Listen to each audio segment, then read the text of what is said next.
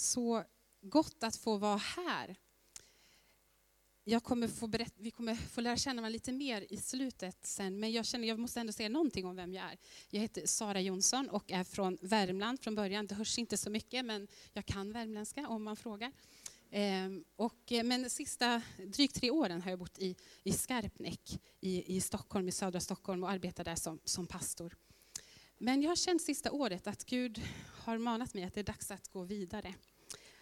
Och eh, jag vill också tacka för förtroendet att jag får vara här idag och få möta församlingen och få predika Guds ord och också se om det är så att i framtiden att jag kan få tjäna här som pastor i församlingen. Jag måste faktiskt säga att jag har längtat efter att få komma hit. Jag känner Fredrik och Emelie lite sedan innan vi pluggade eh, i Örebro på teologiska där. Eh, och eh, Mattias och Petra känner lite också. Från när jag var ungdom i Karlstad eh, för ett antal år sedan så var Mattias min ungdomspastor. Och han var en person som sa till mig när jag var sådär 16 år att Sara, jag ser en ledare i dig. Och det har liksom varit med mig. Och här står jag idag, så det är jag tacksam för. Men jag har känt en dragning hit. Jag var här för en månad sedan och träffade rekryteringsgruppen. Och det hände någonting när jag var här, när jag kom till Rimforsa. Jag har inte varit här förut. Men jag kände, wow, här skulle man kunna vara, här skulle jag kunna trivas. Ehm, och ehm, sen dess så har ni församlingar här i Brokyrkan och Rimforsa funnits i mitt hjärta och i mina tankar. Så jag är glad att nu får vi mötas också. Men vi får prata mer sen. Dags för dagens predikan, eller kvällens predikan. Först så skulle jag vilja berätta en kort story.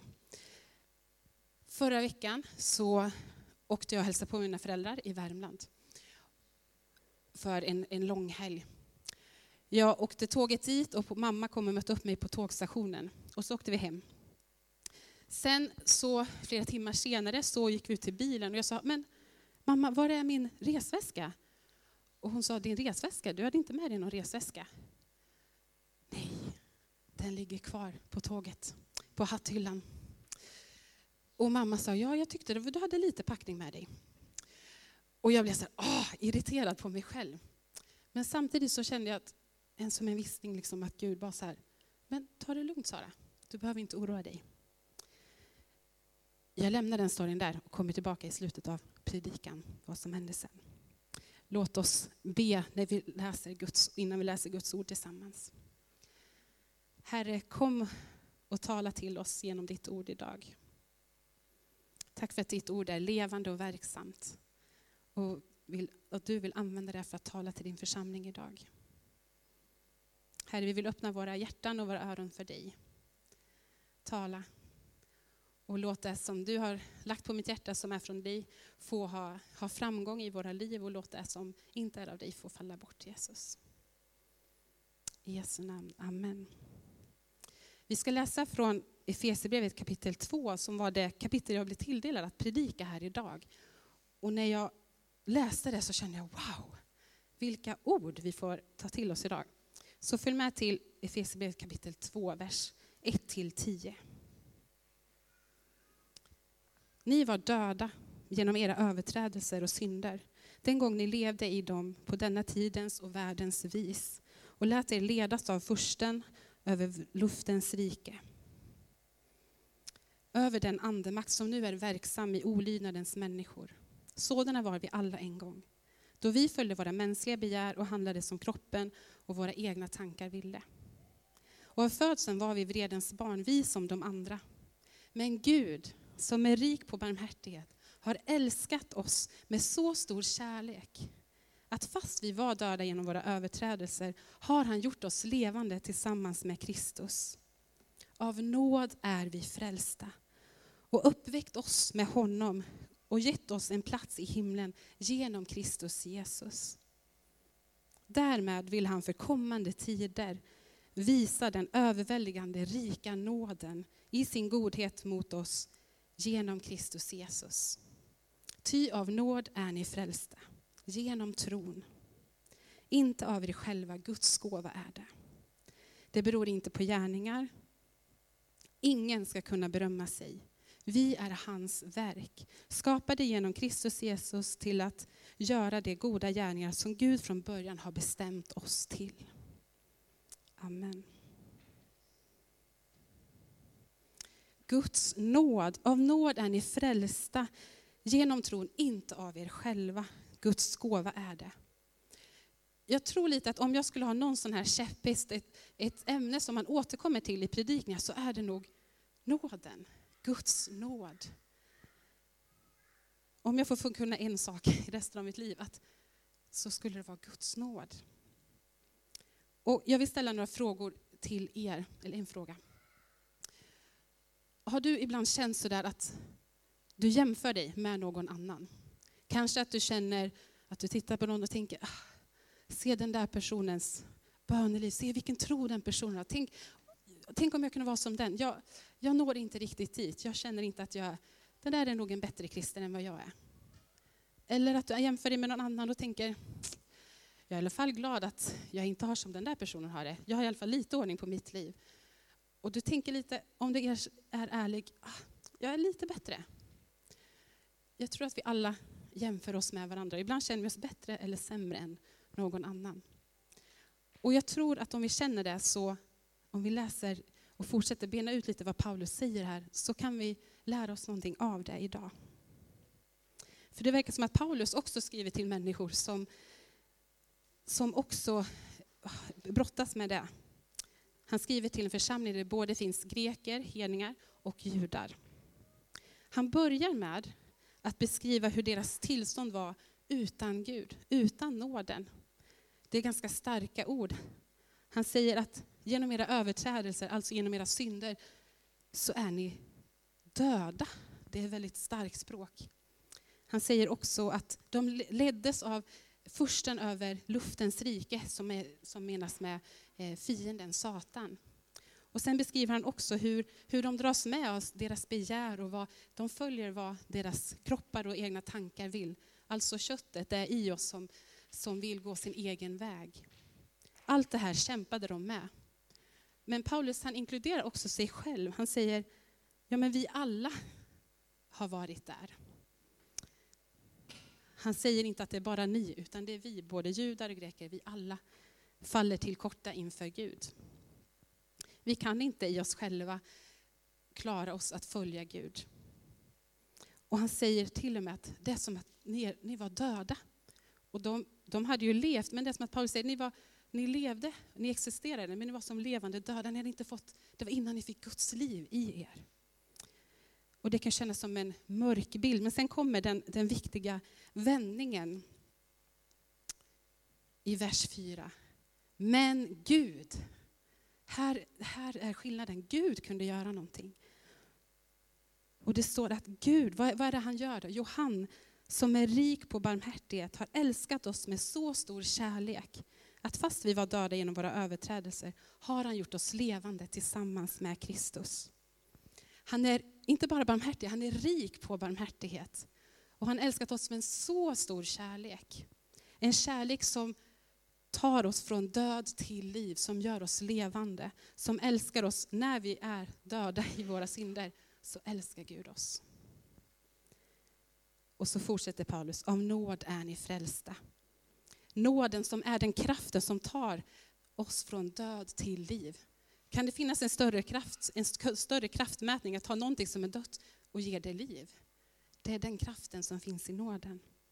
Och han upprepar det två gånger, av nåden är frälsta. Han vill verkligen att vi ska ta till oss det. Så låt oss fokusera på den här nåden. Vad är det Paulus säger om nåden? En nåd som räddar ifrån någonting, som han beskriver, räddar oss ifrån döden, från synden, från fienden Satan och också vårt eget kött. Men som också räddar oss till någonting. Det står att, vi, att han uppväckt oss till ett nytt liv. Nåden är också kraften som gör att vi kan leva ett annat liv. Paulus säger att ty av nåden är frälsta genom tron. Guds gåva är det. Så nåden och tron hör ihop. Och vad, vad innebär att tro? Jag tänker, jag tror många tänker att tro det är att förtrösta, att lita på någon, att lita på Gud. Att lita på honom, det är liksom vår del i det hela. det är av nåd, men det vi får göra är att lita på Gud, lita på hans godhet och nåd. Och den nåden tänker jag också leder till en tacksamhet till Gud. Och här, här tänker jag på min morfar. Och när jag träffade honom sista gången, eh, jag minns när jag, för åtta år sedan så var jag besökte honom på sjukhuset. Eh, han, skulle, han visste att han snart skulle dö och i vårt sista samtal så pratade vi om livet. Och så sa han det. Men Sara, allt är nåd. Det är bara nåd. Nåd och åter nåd. Han hade levt sitt liv, det var inte perfekt, men han kunde se att det var Guds nåd genom hans liv. Och han litade också att Guds nåd nu skulle bära honom också genom döden. Och jag tänker att det perspektivet skulle jag vilja ha på mitt liv, att se mitt liv och se Guds nåd genom livet. Och när jag ser tillbaka på mitt liv om förhoppningsvis många år och kan se att Guds nåd har funnits där, som också ger det här hoppet och modet att våga lita på att det också leder igenom döden till ett nytt liv. Det är en tacksamhet i den nåden också. Det är en del av nåden. Men Paulus han säger också att den här nåden och kärleken som han beskriver, det är en nådens kärlek som inte bygger på våra egna meriter. Frälsta inte av er själva. Det beror inte på gärningar. Och jag tror att idag, vi kanske inte läser så mycket Gamla testamentets lag och tänker att det är det här som är vägen till frälsning, jag ska följa de här lagarna. Vi har nog inte det problemet som kanske de hade judarna där och då. Men jag tror att ändå att vi kan tänka gärningar, att ja, men om jag gör lite mer, då kanske Gud är lite mer nöjd med mig. Om jag går till kyrkan lite oftare, om jag får fart i mitt böneliv, om jag delar med mig mer, om jag är en bättre förälder, då, då skulle Gud vara mer nöjd med mig. Men här står det att ingenting, att det, det beror inte på gärningar. Och ingenting som vi gör eller inte gör kan få Gud att älska oss, varken mer eller mindre. För det bygger inte på våra meriter eller vad vi gör, utan det bygger på vem Gud är. Att han är rik på barmhärtighet och har älskat oss med så stor kärlek. Så det bygger inte på våra meriter. Och det här leder också till att den här nåden leder till ödmjukhet. Det beror inte på gärningar för att ingen ska kunna berömma sig. Vi kan inte berömma oss själva, vi har inget eget att komma med. Vi kan inte säga, titta Gud på mitt liv, titta vad duktig jag har varit, jag förtjänar lite mer. Det funkar inte så. Så funkar det i samhället, men inte när det för Gud. Och vi kan heller inte ha någon anledning att se på andra och se ner på andra och tycka att vi kan berömma oss i jämförelse med andra. När vi tjänar i Guds rike så har vi inte, gör vi inte det för att vi ska kunna berömma oss. Och vi har heller inte någon anledning att se ner på oss själva i jämförelse med andra. Paulus som skriver här, han var ju själv farisé. Han om någon som hade följt lagen till punkt och pricka hade ju en anledning att berömma sig. Men han gör inte det här. Och han inkluderar sig själv när han beskriver, vi alla har fallit till korta. Han säger att vi alla är frälsta av nåd. En nåd som leder till ödmjukhet. Och det får vi påminna oss om när högmodet, när vi tänker att vi är bättre än någon annan, eller självföraktet när vi ser ner på oss själva, när det smyger sig på, att påminna oss om nåden. Vi är frälsta av nåd. Och det leder till en ödmjukhet, en ödmjukhet som betyder att vi ser på oss själva på rätt sätt, så som Gud ser på oss, varken mer eller mindre. Men det finns mer i den här nåden. Paulus säger också att efter det han säger att ingen ska kunna berömma sig, så säger han, vi är hans verk, skapade genom Kristus Jesus till att göra goda gärningar, från, som, som Gud från början har bestämt oss till.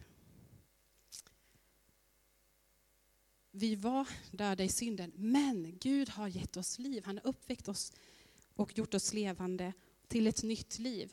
Den här nåden leder inte till passivitet eller ja men Gud, Jesus har gjort allting så nu kan jag bara sitta här och vänta tills han ska komma tillbaka. Eller, ja men nu spelar det ingen roll hur jag lever för Jesus förlåter mig. Paulus säger också i Romarbrevet 6 och 1, ska vi stanna kvar i synden för att nåden ska bli större? Naturligtvis inte. Det är inte det som är poängen med nåden, utan nåden leder till ett nytt liv, ett liv i, i frihet, till goda gärningar som Gud har förberett för oss. Det står att vi är hans verk, skapade av honom. Det är han som verkar i oss med den kraften som finns i nåden, som ger kraft att leva ett nytt liv. Ett liv i frihet, eh, ett liv som vi är skapade till att leva. Så som vi är tänkta att leva. Och det är den heliga ande som också ger den kraften.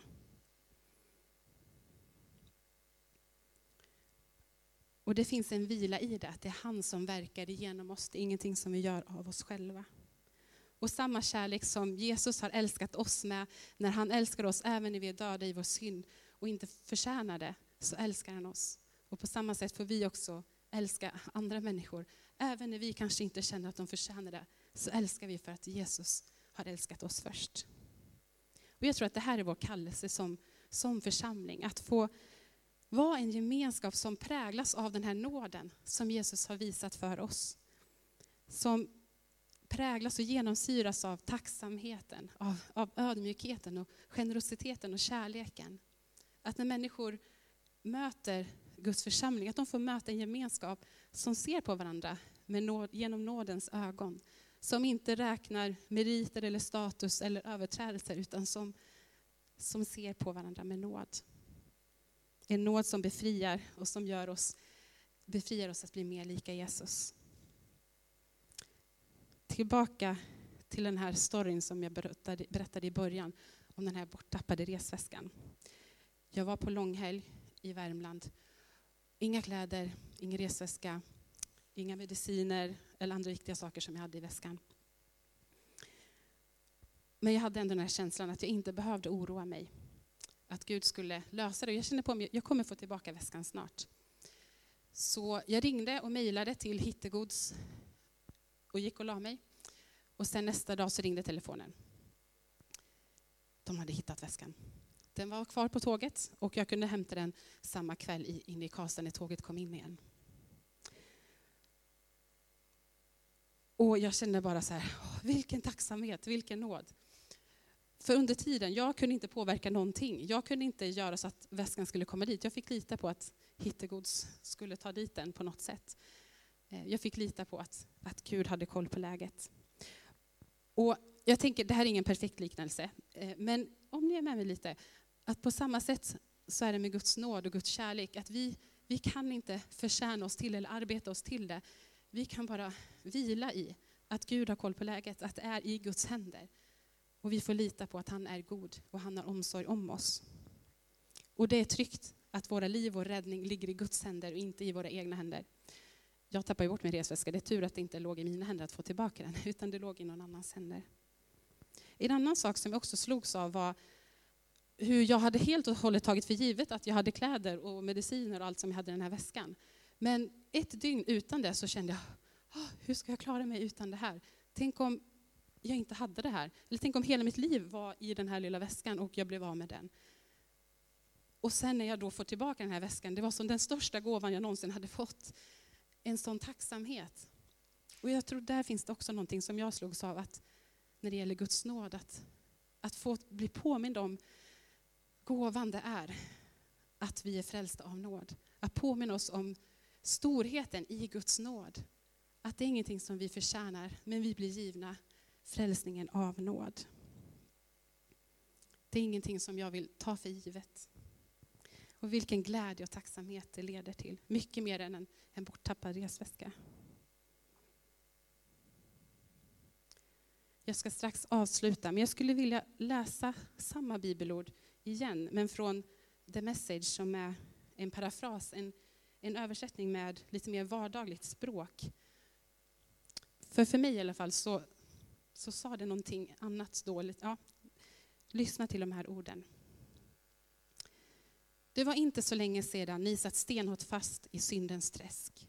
Ni lät världen, som inte har en aning om vad livet går ut på, styra era liv. Ni andades in otrons giftiga luft och andades ut ohörsamhet. Det gjorde vi alla. Vi gjorde vad vi fick lust till när vi kände för det. Vi satt alla i samma båt. Det är ett under att Gud inte tappat tålamodet och gjorde sig av med oss hela bunten. Istället slöt han oss in i sin famn. med ofantligt medlidande och ofattbar kärlek. Han tog våra liv som synden hade dödat och gav oss liv på nytt tillsammans med Kristus. Det gjorde han helt på egen hand, utan vår medverkan. Sedan reste han oss upp och satte oss ner i det himmelska tillsammans med Jesus, vår Messias. Nu är vi där Gud vill att vi ska vara. Där han har all tid, i såväl denna värld som nästa, att överösa oss med barmhärtig omtanke i livet med Kristus Jesus. Räddningen är helt och hållet hans idé, helt och hållet hans verk. Det enda vi behöver göra är att lita på honom och låta honom göra det. En gåva från Gud är det, från början och till slut. Vi spelar inte huvudrollen. I så fall hade vi säkert gått omkring och skrutit med att allt var vår egen förtjänst. Nej, vi varken skapar eller räddar oss själva. Gud är den som både skapar och räddar. Han skapar var och en av oss genom Kristus Jesus för att vi ska delta i hans verk, i det goda verk han har förberett för oss. Ett verk vi gör bäst i att utföra.